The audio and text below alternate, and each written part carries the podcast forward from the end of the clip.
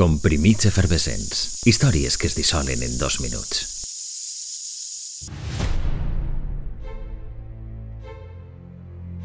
No feia ni 70 dies que havia jurat el càrrec i experimentaria una situació crítica. Una d'aquelles que sempre temen els presidents nord-americans i que tantes voltes ens ha explicat Hollywood. Però desafortunadament l'actor president ni estava en un rodatge ni les bales eren de fogueig.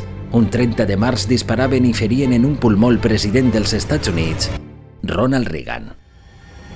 Entre un núvol de periodistes a la porta d'un hotel de Washington, un jove de 22 anys va disparar en sis ocasions. Aparentment, Reagan aconseguia entrar il·lès al cotxe, però no. De rebot, una de les bales s'havia allotjat en el seu pulmó esquerre. Després de tres llargues hores en quiròfan i mentre a la Casa Blanca es feien de galtades per a decidir qui assumia el poder, Reagan isqué de perill. Mentrestant, la policia havia aconseguit reduir l'agressor. John Hinckley resulta ser un jove amb problemes mentals que ho havia fet tot per a cridar l'atenció d'una xica.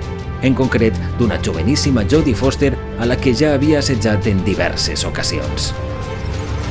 Comprovat l'historial psiquiàtric del pistoler, els tribunals decidiren ingressar-lo en un centre de salut mental de forma permanent. I no seria fins al 2016 que Hinckley abandonaria l'hospital psiquiàtric en considerar-se que ja no representava un perill per a ningú. 35 anys després d'atemptar contra Ronald Reagan, un 30 de març de 1981.